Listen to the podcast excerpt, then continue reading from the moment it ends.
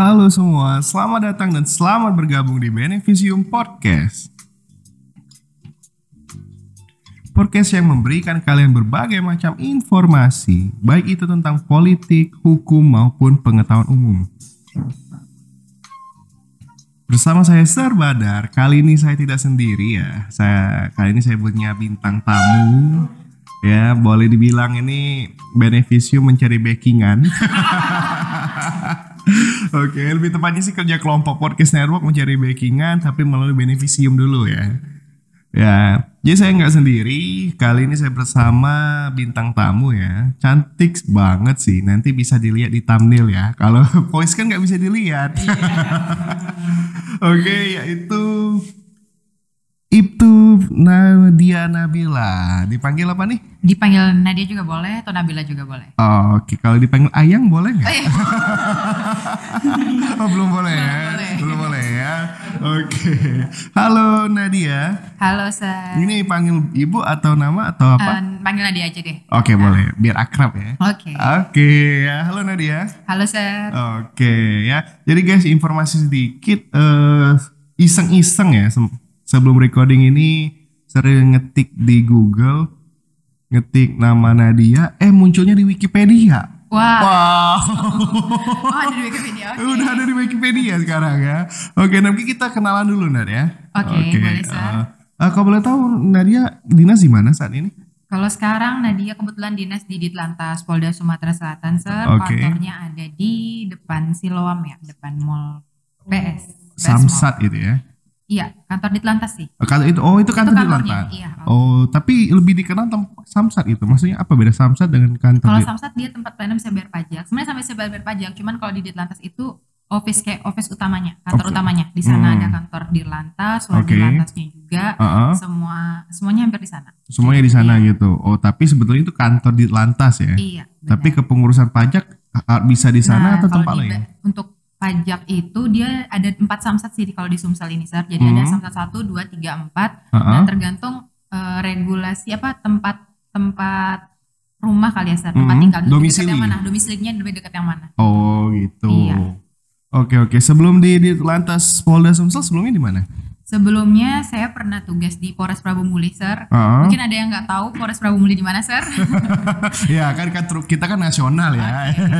Eh, jaraknya lumayan dekat sih dari dari Palembang. Mm-mm. Mungkin sekitar dua jaman lah, Sir. Dua jam sekitar. Dia kayak kota kecil sih. Kota Dia kota kecil ya? kecil ya. Oh, berapa tahun kau boleh tahu di sana? Di sana Nadia udah start dari 2017. Waktu itu sempat pen- baru penempatan di Polda dulu kan, Sir. Hmm. Mungkin sekitar dua bulan. Penempatan pertama Nadia di Polres Prabu Muli Hmm. 2017 sampai 2022. Sampai Hampir- 2022. Iya. Oh, Empat tahun empat lebih, tahunan iya. di Prabu Muli naik ya. pangkatnya waktu itu di Polres Prabu Muli. Oh, gitu.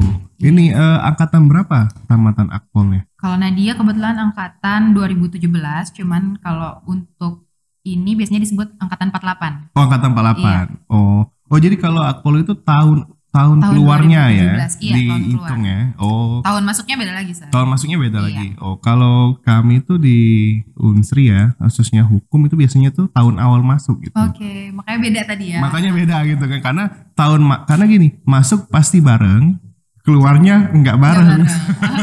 itu bahaya nih kayaknya. Iya gitu. Kenapa tidak bareng? Nah, itu ter- tergantung diri Motivasi. Anda. Iya gitu. Oke. Sekarang bagian di lantas kalau boleh tahu di bagian apanya? Kan luas tuh di Iya, lantas kan. Ha? Kebetulan Nadia jadi pamin satu bagian BPKB, Sir. BPKB itu maaf tuh. ag- Bagian apa? Bagian subregiden. Oh jadi kayak kita ada masalah BPKB itu Iya, misalnya ada kendaraan baru untuk Mhm. eh, proses pelayanan tapnopol dan lain-lainnya bisa. Oke, baik. Ini mungkin kita bahas tentang ini aja, Nat. Eh, yang masih agak baru di masyarakat ya, tapi mungkin sudah agak lama itu tentang tilang elektronik gitu, Nat ya. Oke. Nat, pengen tanya nih.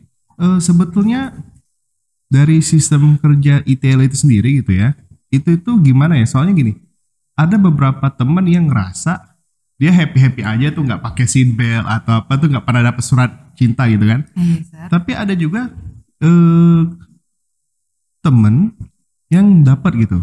Nah maksudnya itu apakah itu masih puji coba kah atau apakah gitu saat ini atau gimana Nat? Eh, no, no. Kalau uji coba sih udah enggak karena di. Sumsel sendiri kemarin kebetulan baru pertama kali di Sumsel diadain acara untuk kegiatan etle yang didatangin Hmm. sama Bapak eh, Kakor Lantas terkait dengan etle itu. Jadi Hmm. hampir seluruh seluruhnya di Sumsel ini udah dipasang etle Oh. tilang elektronik. Udah dipasang Iya, hampir seluruh tempat hampir atau seluruh tempat sih. Masa? Di tempat-tempat keramaian sih. oh tempat-tempat Iya. keramaian gitu ya. Bukan di setiap titik atau enggak, di tempat-tempat keramaian. Jalan protokol lah gitu Iya, ya.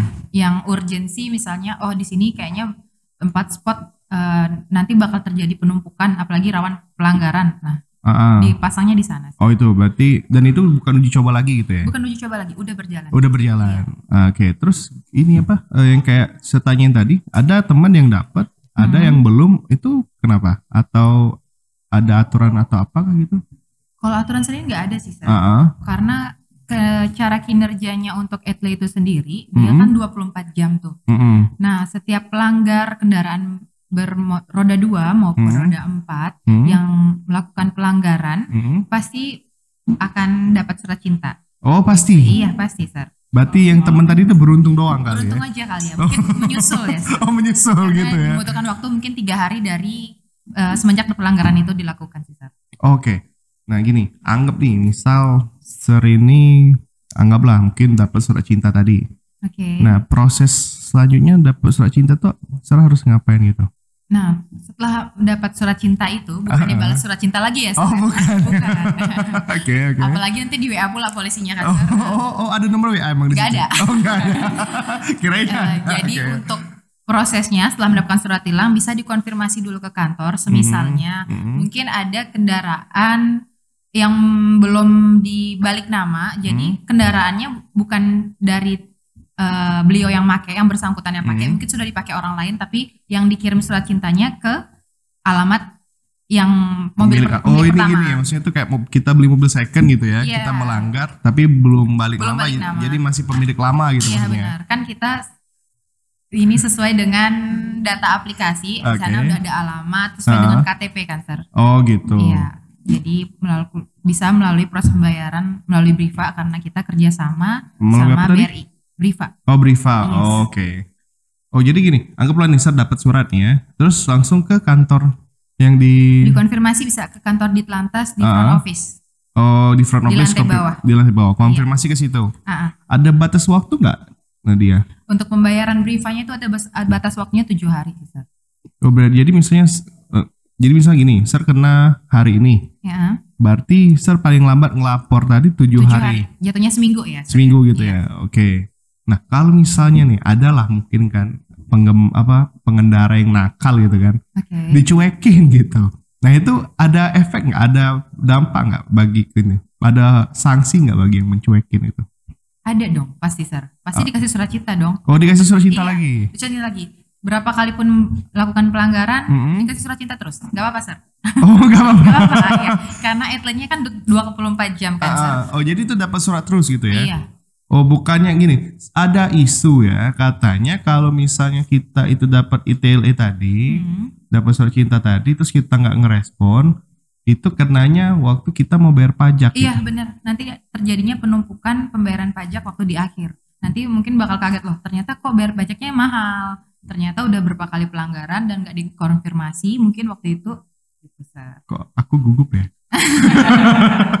oh jadi sebenarnya kita itu kalau misalnya kita ngelanggar nggak dapat surat cinta itu harusnya lebih gugup ya? Karena Iya, kita nggak tahu kan tiba-tiba nanti pas bayar pajak. Iya, kaget kan, Sir. Di oh sini gitu ya? sebenarnya etle itu sih dibuat membantu dalam melakukan penegakan hukum.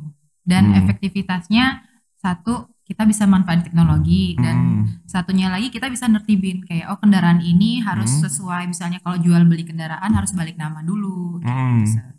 Oh, kok aku takut ya?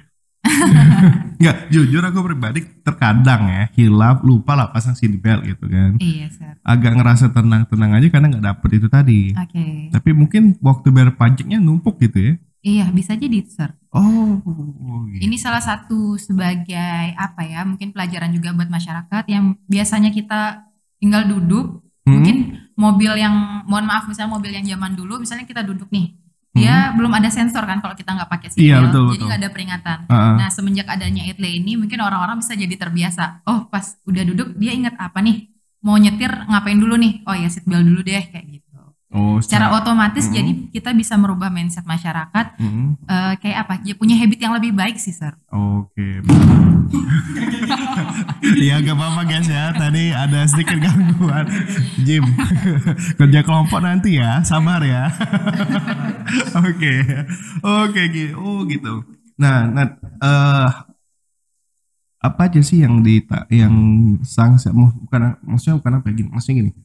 Eh apa aja yang disebut dikategorikan melanggar gitu. melanggar Iya. Bisa. untuk dikategorikan melanggar banyak ya sir ya Ah. mungkin beberapa nada sebutin misalnya Ah. salah satu tadi Mm, nggak pakai seat belt yang Oke. kemudian mungkin berhenti di tempat di jalur yang tidak sesuai Mm, kemudian ada yang melawan arus biasanya Hmm. sangat sering terjadi yaitu sir Hmm. misalnya kalau kendaraan roda dua yang paling kelihatan nggak pakai Hmm. helm misalnya berkendara sambil menggunakan handphone mm. bisa kena juga sir Oh Dan- berkendara sambil menggunakan handphone. iya Wah. karena etle ini kan bisa langsung mengerekam memfoto Heeh. misalnya kelihatan kalau misalnya oh kita nggak menggunakan seat belt kita berkendara menggunakan handphone itu kan bisa Hmm. mengganggu keselamatan orang lain Kalau sambil makan? sambil makan Eh enggak enggak enggak kan. nggak ya kalau sambil makannya disuapin maksudnya- ayam nggak apa-apa sih Oh. ya enggak kayak kali aja gitu kan kadang kan gini. Kan ada yang bilang gitu kan. Kita kan kalau berkendara harus fokus kan. iya benar banget Kenapa ngangkat telepon itu dilarang kan karena takut nggak fokus. Mm-mm. Nah, mungkin kalau kita sambil makan saya ngambil bukan makan berat ya nasi pad nasi bungkus nggak mungkin gitu kan tapi kayak makan snack gitu sambil tuh nggak kena gitu ya. jangan sampai kejepret kali ser ya Oh jangan sampai terjepret oke. kalau curi-curinya oh ada udah mau etle nih Ah sorry ada pertanyaan apa boleh? Eh, kalau naik Nah, motor tangan satu? itu yang nggak boleh Oh itu nggak boleh? iya karena Hmm. awal dari kita berkendara kita harus punya SIM Iya sim. Nah, Oke. sebelum kita punya SIM, kita harusnya belajar dong. Apa sih Iya. syarat-syarat punya SIM? Kan Ah. diajarin cara praktek. Di Hmm. acara prakteknya nggak ada loh diajarin kalau bawa motor pakai tangan satu ya, Sar. ya. Ah, iya benar benar benar. Ya kan- Balik-balik ke aturan awal lagi. Iya kan kita kan waktu ngambil SIM kan banyak tuh kan tes tertulis kan, Iya. tes praktek gitu kan. Eh, SIM gua murni ya. Oh. Kok kalian ketawa sih ya? Mati nggak SIM-nya? oh, SIM-nya nggak mati Oh, ya. Nggak tahu pajaknya sih. oh gitu. Oh jadi Iya. oh bawa motor satu tangan nggak boleh. Nggak boleh. Bonceng tiga otomatis nggak boleh gitu Nggak kan. boleh. Kecuali mungkin anak kecil, baby, nggak apa-apa. Diskresi ya, Sar. Cuma Oh, kalau diskresi anak ya. tiga, misalnya kalau geng ini bertiga, tiga serangkai ini naik motor, satu Hmm. motor kayaknya kena. Nah, Oke ya. Gini nih, bukan kayaknya, pasti kena. pasti kena ya. Iya. Kalau misalnya kayak ada diskresi kayak anak tadi ya. Ya kalau anak kecil digendong sama mamanya kan hitungannya tiga orang ya. Iya. Ya itu beda cerita lagi. Oh ya. beda Nah, cerita ya. Tapi ada batas usia nggak nggak tahu ya. Nggak ada lah. Ya, yang Tergantung. intinya batasnya anak-anak misalnya. Anak-anak Hmm. sama dua orang dewasa kayaknya masih bisa. Oh gitu Iya. ya. Tapi kalau bapak-bapak anaknya dua langsung monceng pak. Anaknya umurnya berapa dulu? Kalau segedenya kayak Ser kayaknya Kayaknya nggak muat juga di moncengnya. ya karena udah nggak muat maksa lagi kan. Iya iya betul betul betul. Oh gitu. Nah kalau misalnya gini, ada informasi juga nih Nat. Katanya tuh terkait eh, apa ya bahasa Indonesia apa sih? Kaca itu riben atau apa ya? Istilahnya kan riben ya. Dari band ya. Riben ya. Itu ada batas persentase juga ya yang diatur ya gitu ya. Iya ada batas ketebalannya. Nah makanya eh, selain ada etle ini Ser, Hmm. misalnya kalau ada anggota kami yang berjaga di jalan biasanya gatur ya Ser ya. Hmm. Nah, kalau ada yang kacanya terlalu tebal banget gelap itu kadang di kami mencurigakan ya, Sir, Mhm. apa dia bawa sajam atau Iya, terbawa barang-barang terlarang. Mm-mm. Pasti di stop juga, Sir. Di Lebih stop. baik demi keselamatan dan demi kebaikan juga, mending Hmm. kacanya yang normal sih. Itu disanksi nggak kalau yang kaca tebel gitu? Eh, mungkin kami sementara kasih peringatan ya, Sir ya. Peringatan dulu ya. Iya, Apalagi misalnya banyak sekarang masyarakat yang make apa sih, Sir, kayak pelapis plat eh, nomor kendaraannya. Hmm. Jadi ke nom- nopol itu nggak kelihatan, itu nggak boleh. Oh gara-gara oh ya gitu. Iya. Apalagi kan sekarang kan peraturan Polri ya atau apa ya kalau nggak salah plat itu diganti jadi warna putih sekarang Iya, gitu ya. itu peraturan terbaru sih, Sar. Peraturan terbaru Iya. ya. Nah. Itu gunanya untuk apa sih sebetulnya? Itu gunanya, nah masih bersangkut paut dengan etle. Jadi Hmm. ketika etle itu merekam atau memberi eh, foto, Mhm. eh, lebih terang kelihatan untuk nopol itu sendiri sih. Oh. Pantulannya, oh jadi nomornya lebih jelas. Ya, jadi lebih mudah terdeteksi Iya. gitu ya. Dan saat malam hari juga karena bahannya dia dibuat khusus, Mhm. em, bis- bisa terlihat sama pengendara yang lain juga kalau malam Oke. biar nggak silau. Oke. Nah, nah saat ini lagi Nat, eh, agak banyak sih ya karena kita pengguna jalan ya kan. Iya, Tapi kan nggak benar. tahu, nggak apa-apa kan maksudnya biar sharing ke teman-teman troopers yang dengar gitu kan. Ba- kelewatan garis gitu. Nah, ada aturan nggak? Misalnya tuh, kan setahu saya ya, garis di lampu merah itu kan ada yang garis untuk motor ya. Iya. Terus ada juga di tengah-tengah itu ada garis kotak warna kuning silang gitu. Pernah saya lihat gitu. Ah, ah. Mungkin bisa Nadia jelasin sedikit nggak? Itu tuh apa sih maksudnya? Kalau di Palembang Kayaknya nggak ada nggak ada, ya. nggak ada. Kayaknya itu adanya di kota-kota besar ya. Ya kayak Jakarta tuh Iya. pernah saya lihat ada gitu kan. Ah, ah, kayak ada suatu spot di sana eh, kendaraan itu nggak boleh ngelewatin batas karena Hmm. itu kayak batas apa biasanya banyak ada tempat sekolah depan Hmm. sekolah biasanya banyak tempat Hmm. penyeberangan di sana Oh gitu. atau spot-spot di tempat yang nggak seharusnya kendaraan itu berhenti di Hmm. area itu. Oh, Gitu. Oke. Nah terus kalau garis kelewatan karena Ke kemarin kendaraan yang lewat garis Iya kalau garis gitu kan itu kena sanksi langsung. Kena sanksi. Eh, Oh. sorry tadi nggak kesebut ya, itu termasuk pelanggaran Ah, ah. karena melanggar marka jalan. Oh sanksinya kalau Kena boleh tilang juga. kena tilang Iya. juga. Wow. Jadi jangan. Banyak ya melanggarnya. Eh, iya. Kalau baru mencoba, mencoba. Mencoba nggak boleh, coba-coba aja. coba dulu aja, biar tahu oh ternyata ini nggak boleh. Oh iya iya iya gitu. Oh enggak enggak bercanda, bercanda jangan loh ya. jangan jangan ya. Oh gitu Dada. Oke oke. Berarti banyak langgar aku ya. Banyak sir. Banyak ya. Kok tahu? Oke jadi oh itu. Nah jadi mungkin ada pesan-pesan nggak dari Nadia untuk troopers nih terkait eh, keselamatan jalan gitu di jalan raya gitu. Eh, pesan-pesan saya untuk masyarakat sih, eh, saya harap dengan adanya kemajuan teknologi ini, eh, ini kan etle ini suatu yang baru di masyarakat. Bukan Mm-mm. berarti masyarakat belum tahu karena sudah disosialisasi, harusnya Mm. masyarakat sudah tahu. Oke. Jadi eh, semoga dengan adanya etle ini jadi meningkatkan kesadaran masyarakat eh, dan bisa meningkatkan kenyamanan masyarakat sendiri. Karena Hmm. etle ini kan dibuat demi mendukung penegakan hukum tadi. Mm-mm. Nah, dengan sifatnya itu lebih praktis ya, Sir. Hmm. Karena kan etle itu sifatnya 24 jam. Mm-mm. Nggak seperti kita yang anggota Polri yang harus ngejaga jalan satu kali 24 jam. Balik lagi kita kan manusiawi. Iya betul. Kita ada plotting-plottingannya, ada ada ta- waktu-waktunya ya, Sir. Kadang kita capek, nggak mungkin kita harus berdiri terus gatur melihat semua. Nggak bisa dua orang anggota misalnya. Hmm. Ternyata pelanggaran di titik itu terlalu banyak. Mm-mm. Pasti kita waktu itu masih tilang manual. Yang kita lihat yang kasat mata dulu kan, Sir. Iya betul. Biasanya ada nih, sering banyak. betul. Mm-mm. Pasti mereka ngadu loh, Bu, itu itu loh melanggar juga. Itu loh, itu kok nggak ditangkap tuh. Nah, kita punya keterbatasan. Iya betul. Iya, Ah. ngerti kan Sir? Maksudnya Ngerti, ngerti, kita ngerti. keterbatasan Iya, iya. anggota dan Iya. kita punya keterbatasan tangan kita cuma dua mau nilang mau nyetopin Iya. semua orang nggak bisa. Karena Iya. Ser gitu dulu. Oh gitu. Jadi di stop ya, Ser protes kok Ser sendiri yang iya. ditilang gitu kan. Susah ya Sir, banyak pro kontra. Iya Dan gitu. dengan adanya etle ini Mm-mm. bisa kayak menimbulkan suatu keadilan juga Sir. Jadi Mm. mau dia itu anggota Polri, pejabat, siapa pun itu, semua lapisan masyarakat mau kena atlet wajib sama-sama dikirim surat cinta. Nggak ada yang pilih kasih misalnya, oh saya anggota Polri, saya nggak dikirim surat cinta, enggak. Oke. Sama aja. Nah mungkin ini yang agak satu pertanyaan lagi yang agak mungkin Pe- pelanggaran ETLE ini hanya untuk yang berkendara atau yang jalan kaki juga bisa kena. Misalkan ada kan nggak boleh nyebrang, ada disediain jembatan, tapi dia tetap maksa. Sementara yang punya kendaraan sih, Karena punya kendaraan kalau yang. Jalan kaki, misalnya kena foto nih, Mm-mm. kejepret, eh, kita nggak bisa detek, oh ini orangnya siapa ya? Oh, kan kita nggak tahu iya, nopolnya iya. berapa. Kecuali dia mungkin jalan kaki bawa nopol ya. Enggak, Agak ngelawak. Enggak, Sir. mungkin satu terbayang kayak di film gitu kan. Oh, iya. Yang bisa deteksi tinggi ya, Iya. yang bisa deteksi wajah langsung muncul identitas itu belum mungkin ya. Insya Allah semoga Indonesia bisa menciptakan Jangan teknologi yang sih, itu ya. jangan Sir, sih ya. ketahuan dong. Jadi misalnya ada ayam yang pergi, ternyata nggak bilang-bilang kedetek kan, oh ternyata dia bukan guys. Oke oke. Eh, Nat, ini masih single kah atau udah ada ayangnya? Eh, mungkin terus penasaran mungkin. Ah, iya, doain ini, aja ini ya, di luar ya. Oh doain aja. Doain ya? aja ya, Sir. So, Ah. Oke. Oh doain aja. Iya doain. Sir Berarti- juga udah ada kan? Iya, bukan Sir loh. Udah udah ditulis di lauhul mahfuz semuanya kan? Sir? Oh iya, betul betul betul. Benar benar benar benar benar Oke. resminya kapan nih? Oh ya oke oke. Nggak jadi bapak bayar kali. Terus eh, harapan untuk Nadia sendiri karir, eh, karir Nadia sendiri pengennya ada nggak cita-cita lagi gitu harapannya target sampai apa gitu. Eh, jujur kalau target sih enggak ya, Sir. Mm-mm. Nah dia bukan tipe yang oh harus target ini, cuman kalau mau karirnya yang lebih baik dan terus lebih baik lagi pasti mau. Oke, intinya pokoknya berusaha yang terbaik, Berusaha yang terbaik. berikan yang terbaik se Iya, setinggi apa pun itu kita coba raih gitu ya. Iya.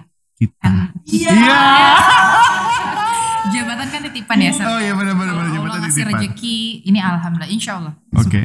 Terus eh, pangkat itu naik kalau Polri itu per berapa tahun sih kalau boleh tahu?